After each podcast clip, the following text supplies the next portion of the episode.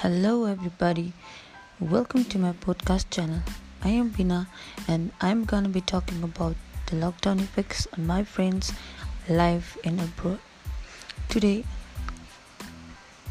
I will be talking with my best friend Susmita, who has been staying in Australia for three years now. Welcome, Susmita, on my podcast.